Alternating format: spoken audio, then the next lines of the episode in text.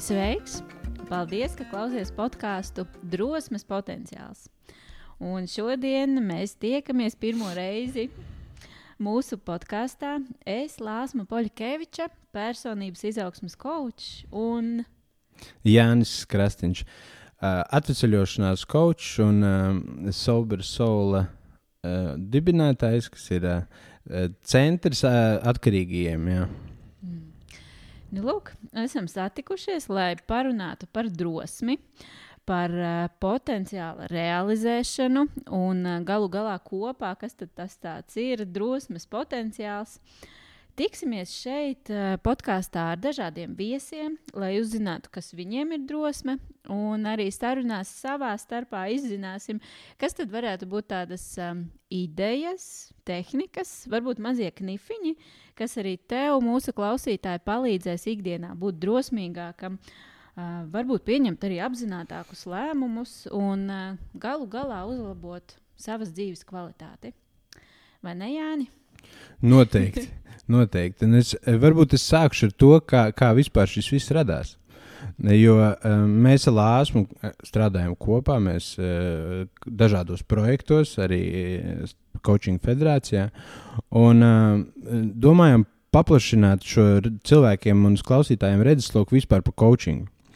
Un uh, podkāsts ir viens no tagad populāriem veidiem, kā to darīt. Un šodien mums bija sarunas, un uh, domājam, ko mēs varētu, vissvarīgākais dzīvē, ko varētu sniegt cilvēkiem. Un es domāju, ka tā ir drosme. Un uh, pētot dažādus avotus, es uh, secināju, ka. Mūsu rezultāti mūsu dzīvē e, ir vienlīdzīgi ar mūsu potenciālu, ko mēs vispār varam izdarīt. E, mīnus mūsu iejaukšanās tajā procesā, kas ir bailes, kas ir kaut kādas dažādas ārējas situācijas, e, kuras mums liedz īstenot mūsu potenciālu.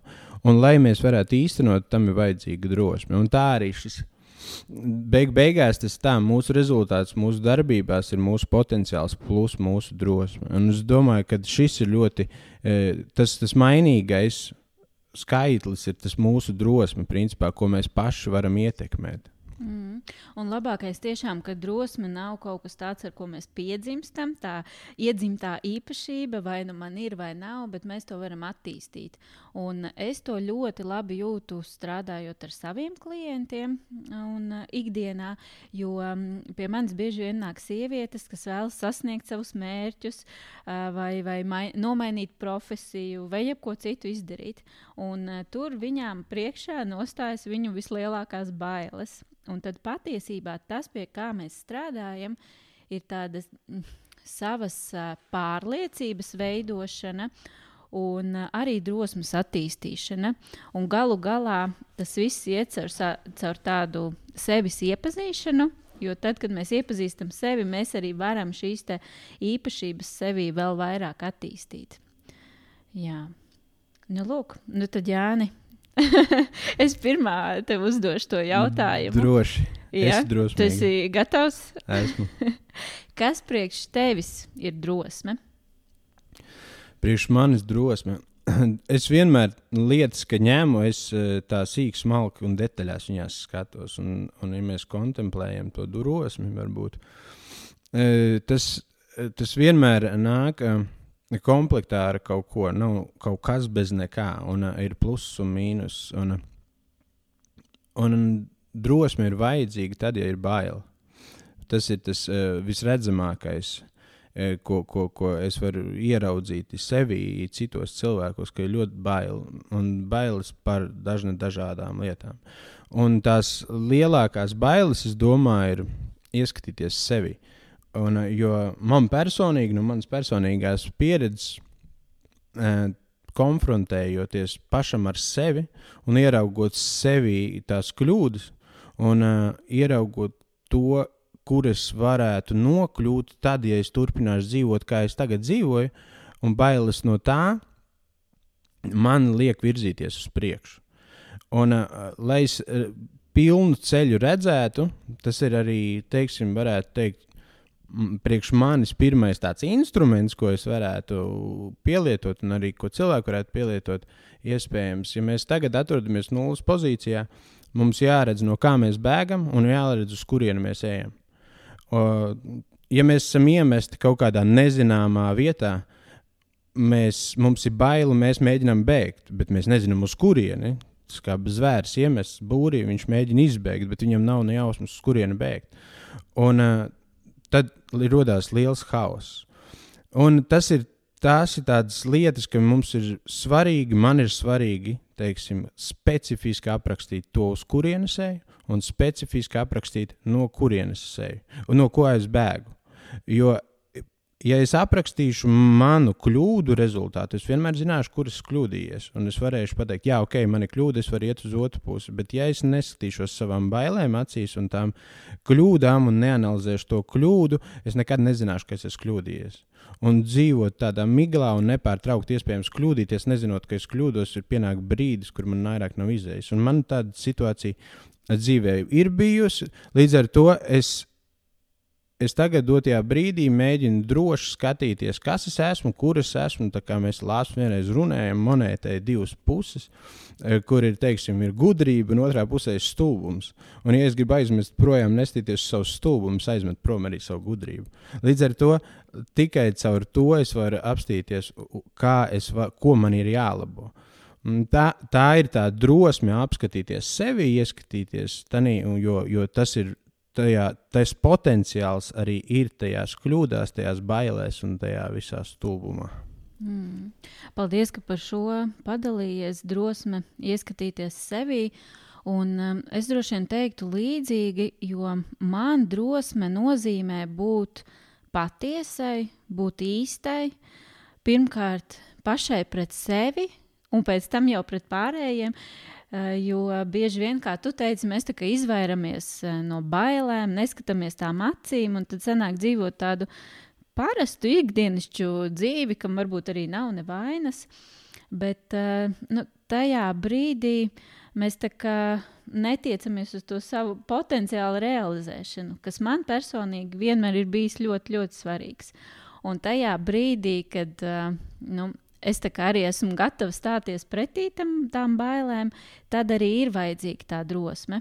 Un, ja mēs paskatāmies arī uz dažādām drosmes definīcijām, viņu ir papilnam, bet tāds viens apkopojums būtu, ka drosme ir tāda izvēle un spēja stāties pretī vai pārvarēt tās savas bailes, nedrošību, Uh, tikpat labi arī fiziskās sāpes un dažne, dažādas briesmas.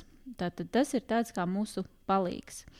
Un, uh, ja mēs paskatāmies arī uz šādu definīciju, tas vārds, kas mani, uh, ar mani visvairāk rezonē, ir vārds izvēle. Jo man drosme ir arī tāda lēmuma pieņemšana. Tiklīdz es sev esmu pateikusi, ka jā, es to gribu darīt, tad tur tajā brīdī manī rodas tā drosme, nu tā tad, ka es to īstenošu. Un savā ziņā man vairs nav atpakaļ ceļa. Kur tur rodas motivācija izdarīt izvēli kā tādu? Oh, izdarīt izvēli.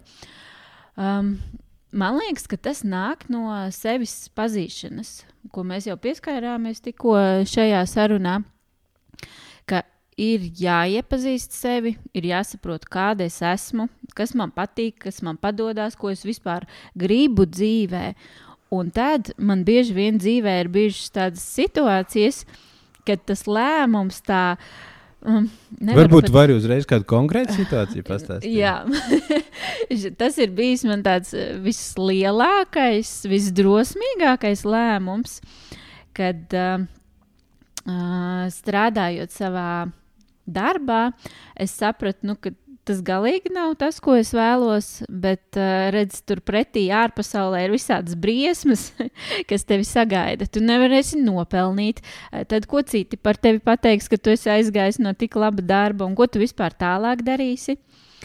Un, uh, caur sevis to iepazīšanas ceļu, kad es paralēli arī mācījos coachingā, Un, uh, un tur notiek apmācību procesā ļoti daudz coaching sesijas, ar kurām var sevi ļoti labi iepazīt.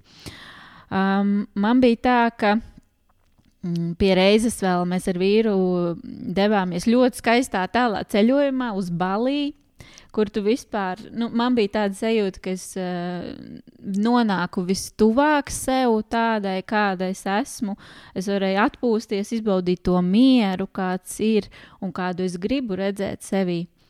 Un tad es atbraucu atpakaļ pēc tā ceļojuma, apsēdos pie sava rakstām galda uh, darbā, un, uh, un es jūtu, kā manī kāpja šis lēmums, tāda iekšējā, stipra, nelokāma sajūta, kad es gribu kaut ko mainīt savā dzīvē. Es gribu dzīvot citādāk, labāk un labāk priekš sevis, nevis priekš citiem.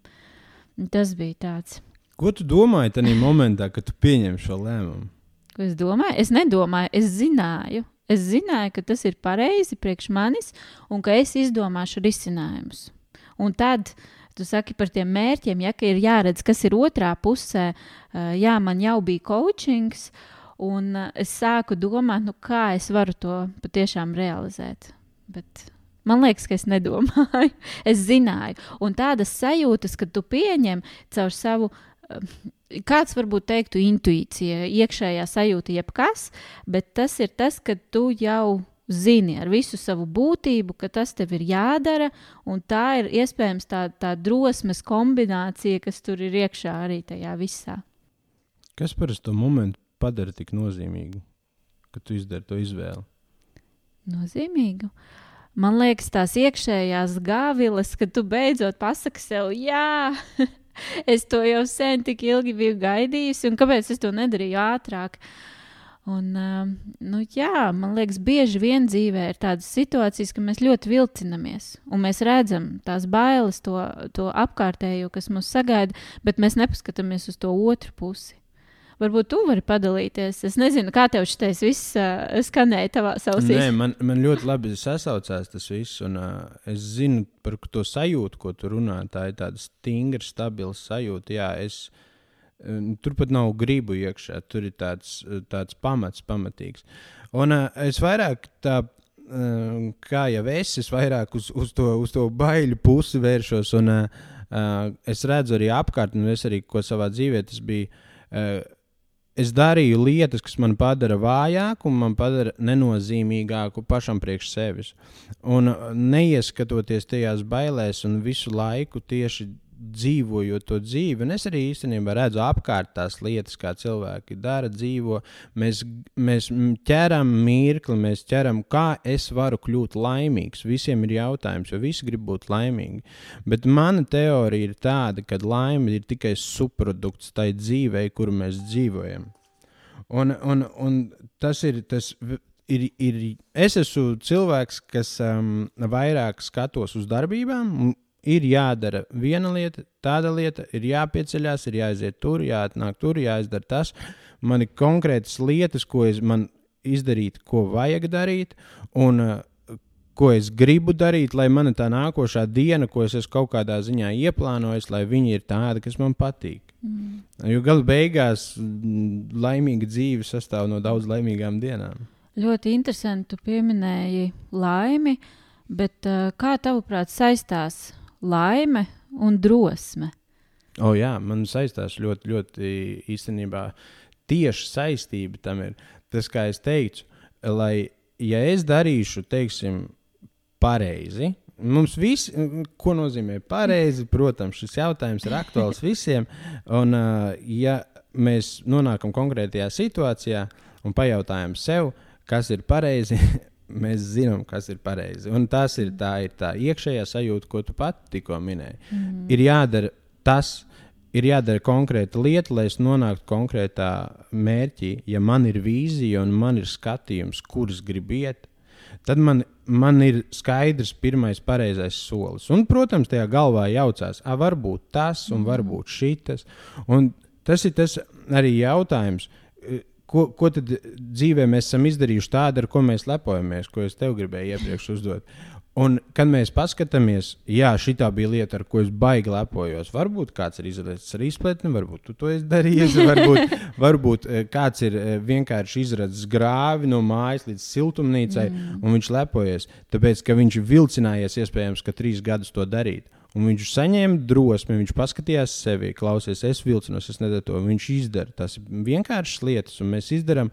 Un tur mēs rodam sevī spēku ka mēs uzņemamies atbildību, mēs pārkāpjam savām bailēm pāri un mēs rodam spēku. Un mēs uh, rodam jēgu un nozīmi dzīvei tajās mazajās lietās, un ka mēs viņus ieraugam, tad mēs esam laimīgi. Un tā laime nav prieks, ko mēs dažs bieži vien jaucam. Ja es paņemšu to, izdarīšu to, un tas ir tās, em, tāda nu, laimi nopirkt nevar. To mēs visi zinām, bet kaut gan mēģinam mm. katru dienu to darīt. Es gribu to, es gribu šito, tā ir īstermiņa lietas. Un tad, kad es daru tās lietas un ieraugu drosme, man saistās tieši ar ieskatīšanos sevi. Mm. Drosme izdarīt kaut kādas lietas, tas ir viens pārkāpt kaut kādām fiziskām bailēm, es to saprotu, tas ir viss. Bet tieši tā konfrontācija ar sevi, es esmu šitāds. Man, manā dzīvē tas bija konkrēti. Es lietoju narkotikas un alkoholu. Manā brīdī, vienā brīdī pienāca jau, kas notiek. Un tā, mm, tā pirmā, teiksim, konkrēti mana pieredze bija tā, ka es laikam, es jau biju pirms tam stāstījis savu dzīves stāstu arī cilvēkiem, bet es biju Taizemē, kur, bija, kur man bija pavisam daudz jau sūdu savārīt. Un, un, ka es biju pirmo reizi stāstīju savu dzīves stāstu. Bija grupa cilvēkiem, bet, protams, tā bija droša vide. Un, un, un tas ir ļoti spēcīgs emocionāls pārdzīvojums, kad ir bailes, ir satraukums, ja ko viņi man par maniem padomās. Kaut gan tur viss tādi paši ir. Bet, jebkurā gadījumā, bailes no tā nosodījuma Bet gala beigās es nosodu pats sevi, ja es neieskatos tajā. Un tas ir pirmais moments, ok, ja es visiem atzīstu, es šitāds esmu. Man nav vairs atpakaļ ceļa, man jāuzņemas par sevi atbildība. Un ja es meloju un es izliekos kāds nesmu, tas nozīmē, ka es neuzņemos par sevi atbildību uz savu dzīvi. Un tas tā atbildības uzņemšanās un tieši šī brīvība, tā padarīja man brīvu. Un tur caur to drosmi es tieku pie tās laimes. Mm. Un tā ir tā, es daru lietas. Man nav jāskatās, ko man saka. Man ir jāklausās, ko man saka. Es varu iemācīties, es varu pamācīties. Galu galā es uzņemu, pieņemu lēmumu, un es daru to. Un es uzņemos par sevi atbildību. Nevienam neuzgrūžu savu dzīvi virsū. Un tas ir tas, kurā uh, rodas šī laime caur to drosmi arī. Mm. Jā, un uh, katram tas dzīves stāsts ir savs, un kāds varbūt klausīsies un teiks, ārprāts, nē, man gan šitā nav. Uh, Bet uh, patiesībā man liekas, ka uh, nu, mums jābūt drosmīgiem, ieskatīties sevi, jo arī man ir bijis tā, ka uh, lielāko dzīves daļu es dzīvoju tā, lai arī apmierinātu kaut kādas citu expectācijas, ko viņi sagaida, kādas ir sabiedrības normas, kā ir jāuzvedās un neņemot vērā līdz galam savas vajadzības vai vēlmes, ko es gribu, ka pat uh, nonākot uh, pēc, pēc bērna piedzimšanas tādā punktā, ka es nevarēju sev atbildēt uz jautājumu, ko es gribu. Un, uh, jā, pie maniem arī nāk cilvēki ar šo jautājumu, un skaidrs, ka uzreiz nu, nevar gūt to atbildi, ja tu gadiem esi dzīvojis tā, sev nereizi nepajautājot to jautājumu tikai dzīvojot no dienas uz dienu. Nu, jā, šitais varētu darīt mani priecīgu. Varbūt tur ā, tagad algas paaugstināja, vai tagad vajag jaunu mašīnu, tagad vai telefonu, datoru, vispārējo, un tas man iepriecinās. Bet realitātē mēs nu, tik reti paskatāmies paši uz sevi, lai pajautātu, kas ir tas, ko es patiesībā gribu. Un te arī laikam sākās tas mans ceļš jau uz tādu lielāku drosmi, soli pa solītim darīt lietas, kas ir ārpus manas komforta zonas, jo liekas, ka citiem varbūt nepatiks, vai ci, ko, ko tie citi, bet nu, vērst skatienu uz sevi, kad es, nu, es to pati vēlos. Jā, jo es bieži vien, eh, man, man tas ir ļoti iet pretrunā bišķiņa manim pašu un ar, ar, ar filozofiju ir vārds, ko es dzīvē gribu. Mm. Un bieži vien, kad es darīšu tās lietas, kas man ir jādara un kas ir pareizas, es tur daru to, to, nu, ikdienas dzīves, lai es, es rūpējos par sevi, par savu ģimeni un par, par, par apkārtējo vidi un par cilvēkiem, kas man ir blakus. Es nedabūšu to, ko es gribu, bet es dabūšu to, ko man vajag. Un tas, ko vajag, man padarīs laimīgu. Nevis tas, ko mm. es gribu. Arī austrumu filozofijā vēlme kā tāda ir ciešana. Jo galu beigās uh, tas ir tīri saistīts arī ar atkarību. Uh, vai, vai, ja, piemēram, cilvēks, kurš pīpē, vai principā visi, ja kāds nepīpē, seks tas pats. Mēs, mēs gribam cigareti, mēs gribam seksu, un tad, kad tas viss beidzās un ir beidzies, mēs esam atviegloti, jo mēs vairs negribam. Un tas ne jau tas process, ka es dabūju to cigareti uzpīpēt, un baigi man labi. Nē, man ir sūdīgi no tās fiziski, sūdīgi no tās cigaretes, bet man beidzot ir labi, ka es negribu. Mēs, jo mēs mazāk gribam, jo mums ir mazāk ciešanas. Un tā tikšana vaļā no tā gribu beidzot. Jo tā, tas gribu, jā, mūs dzen uz priekšu, bet mēs izmantojam to gribu nepareizi. Bet tev neliekas arī, ka sabiedrība savā ziņā uzspiež to, ka tev visu laiku vajag kaut ko gribēt? Nu, jā, bet, bet tu, kāpēc tu ļauj sev uzspiest? Nu. no. nu, tāpēc, ka es esmu, jā, es varu atzīt, nu, ka es esmu bijusi ļoti vāja. Es, nezinu, nu, es nebiju sevi līdz galam iepazinusi. Es nezināju, kas pati es esmu, un līdz ar to apkārtējā vide veidoja mani. Un, uh, nu, man personīgi ir par to, ka uh, Es esmu ļoti introverts cilvēks, kurš šobrīd droši vien nevar pateikt, bet tas man ir ļoti kā, nospiedis, jo bieži vien, kad tev um, ap, ir sevišķi, nezinu, pusauģu gados, tev ir kaut kur jāiet, notiek ballītes, tev ir visu laiku jākomunicē, tev vajag draugus, visu pārējo. Un man tas ir bijis tāds kā apgrūtinājums. Es saprotu, ka man to patiesībā nemaz negribās. Es gribētu palikt biežāk mājās, palasīt grāmatu, bet nu nē, visi taču dara tā, man ir jābūt arī tādai pašai, lai iekļautos tajā sabiedrībā. Mm, jā, tā ir sevis pieņemšana. Jā. Sevis pieņemšana un uh, kā mēs redzam sevi. Un, uh, mēs bieži vien, tāpat kā bērni, redzam sevi savu vecāku acīs, un kā mūsu redz sabiedrība, tā mēs redzam paši sevi. Un mm. tas ir tiklīdz mēs izdarām kaut ko tādu, kas viņiem nepatīk, viņi mums saka, ka mēs esam slikti, tad mēs esam slikti. Mēs nezinām savu vērtību. Un, un tieši tāpēc, kad mēs slēpjamies no savām nepilnībām un no tā sava hausa iekšējā, bet tas hauss uh, dod virzību. Un, ja mēs iemīlam to savu hausu un iemīlam savas nepilnības, jo galu beigās ar ko mēs atšķiramies? Tikai ar savām nepilnībām, un tas mm -hmm. mūs padara īpašus. Jo mēs esam, tas, kā es saku, iet skolā bērns, viņš mācās, un viņš mācās uz desmitniekiem. Viņam tas ir limits. Un, un, un, mums skolās māca, mums jāiekļaujas rāmjos. Ja, ja vakar mums bija saruna, viena, jā, viens plus viens ir trīs, un tur ir sinerģija, bet, ja tu pirmajā klasē bērns varbūt aizdomāsies līdz tam, bet viņam ieliks divnieku, viņam nu, tu nezini neko, viņam neļauj kreativitāti tiek apspiest. Galu beigās man jāliekās rāmjos, bet es nevaru, es negribu. Un, un man, man, es tas neesmu es, un līdz ar to mūs saliek rāmjos, ok, es aizēju līdz 12. klasē, es izēju ārā, un tagad tu ieej biznesā un tev prasa, ar ko tu atšķiries. Mm. Ar ko? Neko. Te man visi mums te tāda ar astotniekiem atnākuši. Bet bija viens džeks, kas sēdēja 12. klasē, un viņam visur bija vieninieks, bet viņam bija spēks vēl joprojām tur sēdēt. Mm. To džeku man vajag. Jo viņš izies ārā un izdarīs to. Man pašam, es zinu, ka tā, tā ir mana, mana kaut kāda, varbūt, nestandarta domāšana vai kaut kas tāds, bet tā kreativitāte un tas, kāda tā ir bērna aug, viņi ir pilnīgi atvērti un brīvi domājoši. Viņam vajag ļaut mm. izpausties.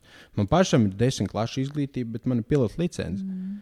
Man tam. tam tas, tas tev nedod, tas mūs ierobežo tikai mūsu galvā, un te izstāsta atkal par potenciālu un par drosmi. Mm uzdrīkstēties, iet, ej, labi, iešu, te jau redzēs. Un tas ir. Tas ir tas ieiet tajā nezināmajā, jo daudziem cilvēkiem tas nezināmais ir tas haoss. Mm. Un mēs ieejam, ops, es ieeju haosā, es ieeju netīrā istabā, bet man jāiet viņā, lai sakārtotu. Mm. Un man jāiet, jāsakārto. Es iznāku apgūšos, sakal, ieeju tajā haosā, es pavīzos, pavirzos uz priekšu, atkal hauss un kārtība. Tas ir tas pats, kas visur, visur ir. Bez nekā nav nekas. Dievam vajadzēja radīt kaut ko citu, lai viņš būtu dievs. Nu jā, tad savā ziņā tas, ko tu saki, ja mēs esam dzīvojuši tādā sistēmā, rāmīšos jau no pašas bērnības, tad mums tā drosme ir izkāpt ārpus un paskatīties, kas tur notiek un kā es tur jūtos. Jā, tieši tā. Un tas ir, tas ir bērnībai tipiski, kad bērns iet un viņš saka, darīt, vai sitīšu ar āmuru pa, pa, nezinu, pa kaut kādu telefonu. Ja? Nu, okay, nu, mēs nevaram tādas lietas, tas muļķīgi, bet viņš grib pētīt, viņš grib apstīties, un viņš grib, kas notiekās. Bet mēs viņam sakām, šito nē, šito nē, viņa, viņš nemaz atbildību īsti nevar uzņemties. Um, nē, es vienkārši atcerējos, man uh, pirms pāris dienām bērns uh, izjauca pāris pilspalvas, un viņš jau cārā, un man pirmā reakcija bija tāda ah, es tūlīt viņam teikšu, ko tu dari. Nevajag tā, tās ir pildspalvas ar viņām jāraksta. Bet tajā mirklī es atcerējos sevi bērnībā, mm. kad man bija tāds mazs pulkstenis, un es viņu jaucu ārā un pēc tam liku kopā. Un tas tāds, nu, arī tāds radošuma gars, tāds pētnieka izzinošais gars, ka gribās zināt. Un ar šādām darbībām arī mēs atveram gan to radošumu, gan ļaujam sev kaut kādā ziņā to ros, uh, drosmi atļaut viņai jā, būt. Jā, ieinteresētība ir ļoti mm. spēcīgs motivators vispār kaut ko darīt. Man viņa ir ļoti spēcīga, es zinu, bet es nezinu, kā viņu attīstīt. Varbūt citiem cilvēkiem vai pašam vēl vairāk. Jo mūsos, es domāju, ka tas mūsos ir un mūsos atkal mums ir viņa apspiest. Jo bērns, ja viņš nebūtu interesēts šajā pasaulē, viņš ne viņš sāktu staigāt, mm. ne viņš sāktu runāt, jo viņš krīt visu laiku. Oj, viņš pieceļās, mm. nokrīt, sastāvā, necelšos, pofīgi, gulēšu. Nu, tas pats arī ir ar visām lietām. Un kaut kur tajā posmā, līdz pieaugušo dzīvē, viņš ir pazaudējis to ieinteresētību. Un bieži vien tā ir sistēmas apspriest tā, tā lieta. Mēs, ah, nu, beidz skriet, bet kā viņš iemācīs skriet, ja viņš neskries? Ja viņš, kā viņš var iemācīties peldēt, ja viņš nepeldēs? Mums jāiet haosā atkal. Mm. Mums jāieliec ūdenī un jāslīkst, lai mēs māktu iemācītos peldēt. Jā. Nu, Rete arī man dzima pirmais nekā, nu, kā veids, jā, ko mēs vēl varētu darīt, lai attīstītu savu drosmi, ir atcerēties kādu savu bērnības pieredzi, kur mēs esam bijuši drosmīgi, kur mums ir bijis šis pētnieka gars, kur mums gribējās darīt vairāk, un mēs uzdrošinājāmies. Uh, un atcerēties šo pieredzi, ieiet tajās sajūtās, kā tas bija, kā tas lika man justies, ko es tajā brīdī domāju, ko es darīju. Un tad paskatīties uz šī brīža situāciju, kur man varbūt pietrūkst tā drosme, un uh, padomāt, kā es to savu bērnības pieredzi varu šobrīd sev līdzi paņemt.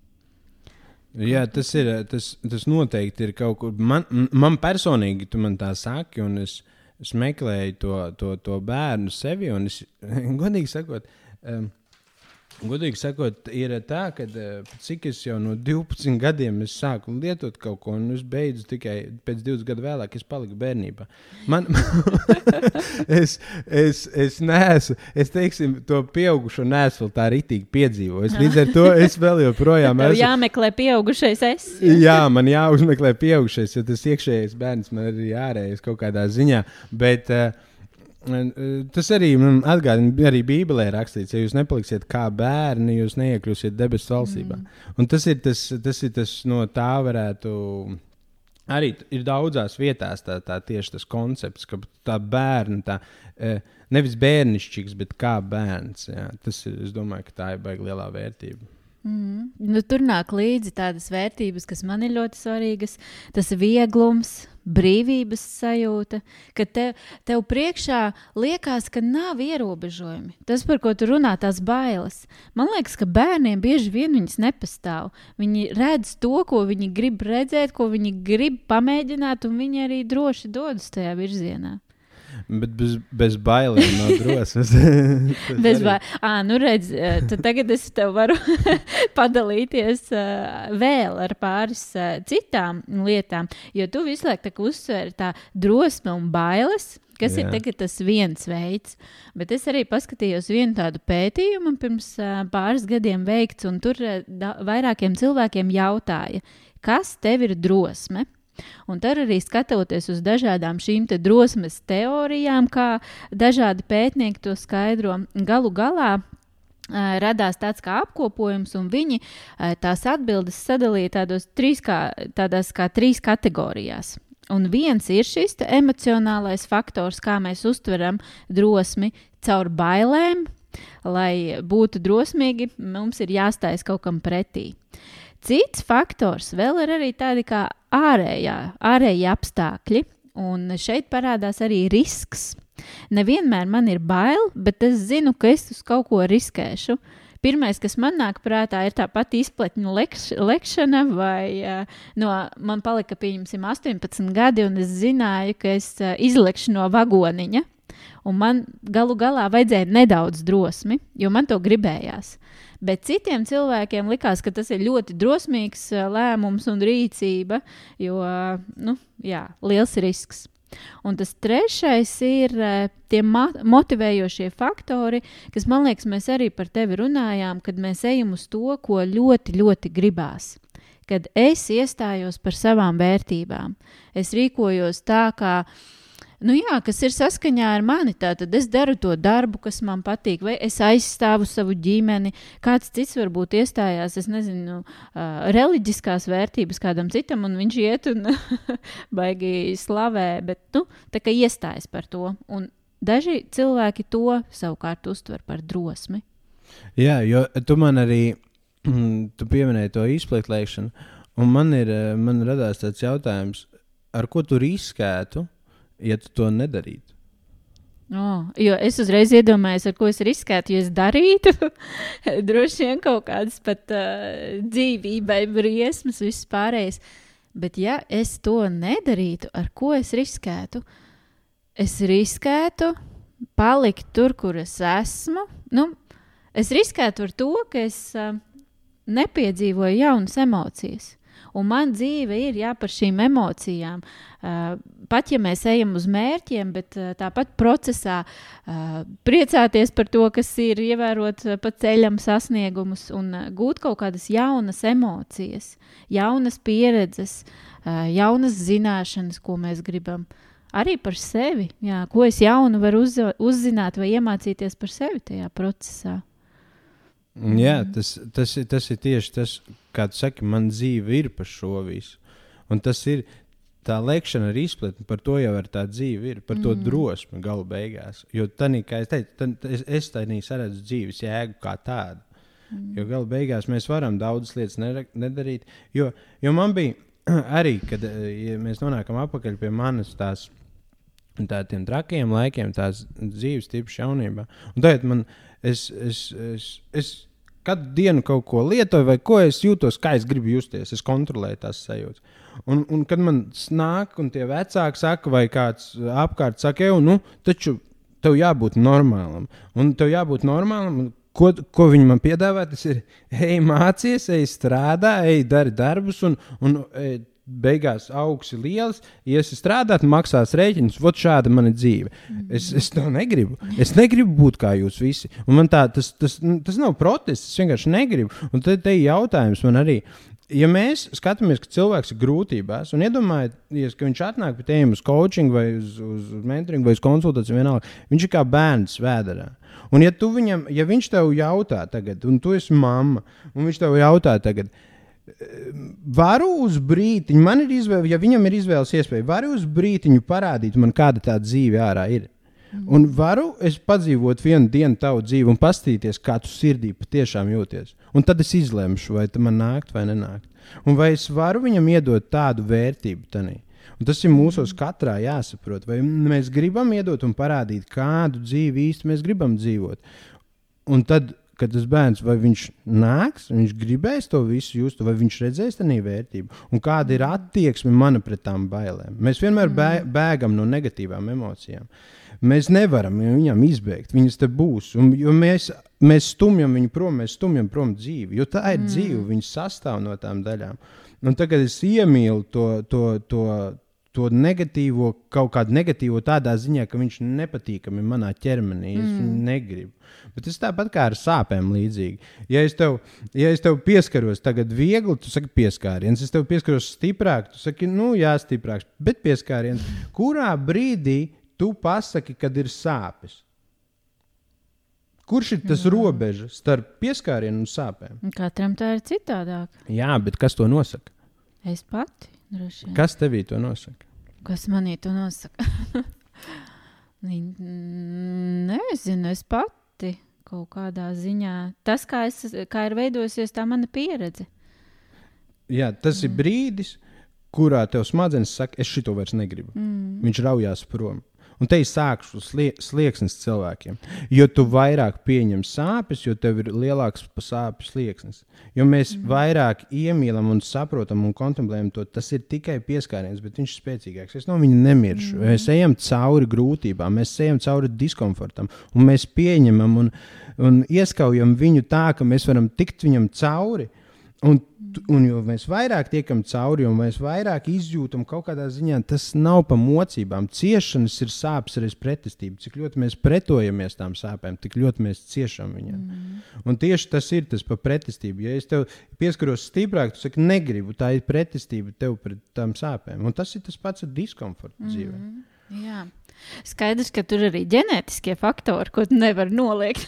Bet tas ir viss smadzenēs. Gala beigās, nervu gali aiziet līdz smadzenēm. Beigās, jā, bet nu es tev piekrītu par to, ka izvēloties teikt dzīvē, jā. Es saku, jā, arī visām tām grūtībām, kas man būs, arī tām bailēm, bet uh, galu galā tas uh, klasiskais teiciens, ka bailes padara mūs stiprākus, un savā ziņā tā arī ir. Es kaut ko jaunu iemācos, iegūstu. Un izēju pavisam citādāk ārā no tās pieredzes. Nu, ko Jāni, kā izskatās? kā ar uh, mūsu drosmi? Nu, izskatās, ka šodien mums bija tīri labi. Pat piemirs.